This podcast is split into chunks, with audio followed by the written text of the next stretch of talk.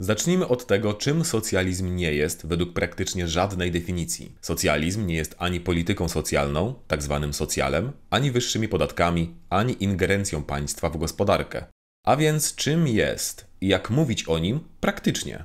Trudno o jedną spójną definicję socjalizmu, bo w ten sposób nazywało się wiele doktryn i ustrojów. Tu już widzimy dwa zupełnie odrębne znaczenia tego słowa. Możemy mówić o ustroju socjalistycznym albo o politycznej doktrynie socjalizmu. Aby nazwać ustrój socjalistycznym, wystarczy go tak, no, nazwać. I jeśli ma się wystarczająco mocną propagandę, ludzie zaczną tej nazwy używać. Drugie znaczenie jest ciekawsze, bo wyznacza kryteria, jakie państwo powinno spełniać, aby uczciwie nazwać je socjalistycznym. Dlatego też nie można obalić obalić definicji filozoficznej przez przykłady historyczne, bo to dwa zupełnie niezależne poziomy. To coś jakby powiedzieć, że skoro nigdzie w przyrodzie nie występuje doskonały trójkąt, to obaliliśmy istnienie tej figury geometrycznej. Nas interesuje filozofia, więc od teraz mówimy tylko o tym drugim znaczeniu. Tu nadal mamy do czynienia z wieloma socjalizmami, jednak wszystkie są zgodne z jednym. Krytykują kapitalizm jako system niedemokratyczny, więc co w nim takiego złego?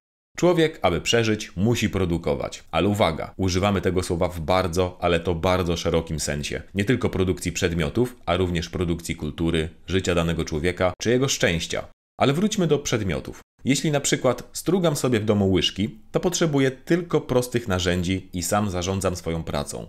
Większość prac w społeczeństwie jest jednak bardziej skomplikowana. Ludzie są specjalistami w wąskich dziedzinach i zazwyczaj wielu ludzi musi współpracować, aby wytworzyć jeden trudny przedmiot, albo bardzo szybko wytworzyć dużo łatwych przedmiotów. Dlatego ludzie tworzą firmy.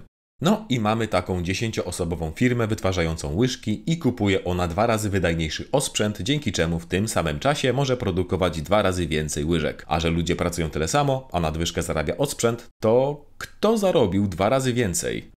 Odpowiedź brzmi kapitał, czyli zainwestowane pieniądze. A więc zarobki powinny iść do właściciela kapitału, który też jest właścicielem pracy zatrudnionych osób. W kapitalizmie będzie to, no, kapitalista, czyli właściciel firmy, osoba lub grupa osób, która podejmuje decyzje według własnego uznania i osądu. Natomiast w socjalizmie każdy z pracowników posiada część firmy, dopóki w niej pracuje, a decyzje podejmują oni demokratycznie i są też właścicielami swojej własnej pracy.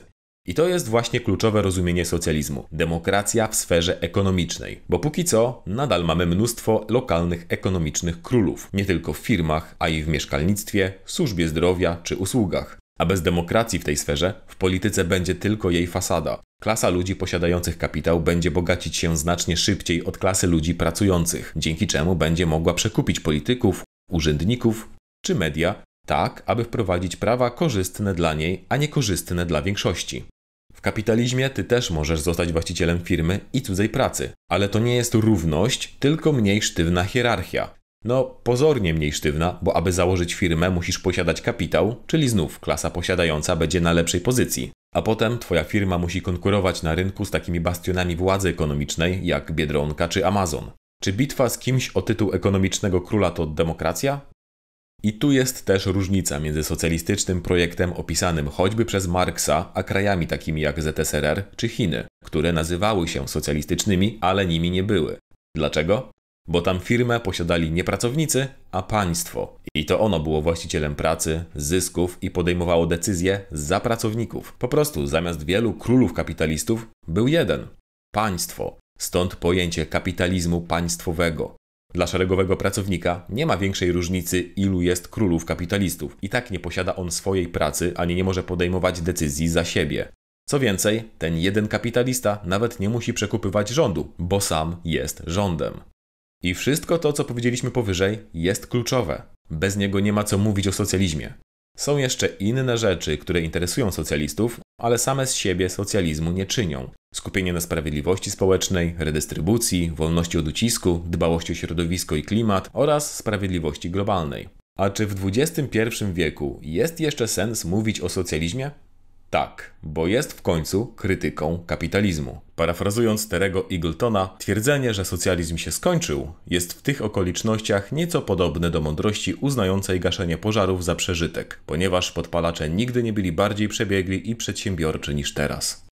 Jako, że mamy jeszcze chwilkę, to pamiętaj, że to wideo powstało, abyś mogła, mógł myśleć trochę głębiej. A jeśli Ci się podobało, to daj temu wyraz klikając łapkę w górę i komentując. To tyle na dziś. Trzymajcie się.